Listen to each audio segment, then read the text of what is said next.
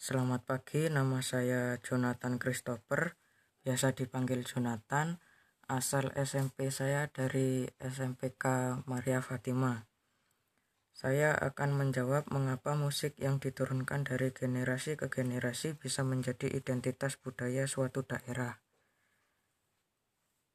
Dikarenakan kemungkinan besar musik yang diturunkan adalah berasal dari nenek moyang atau pendiri atau penemu suatu budaya pada suatu daerah tersebut sehingga dapat menjadi identitas budaya di daerah tersebut.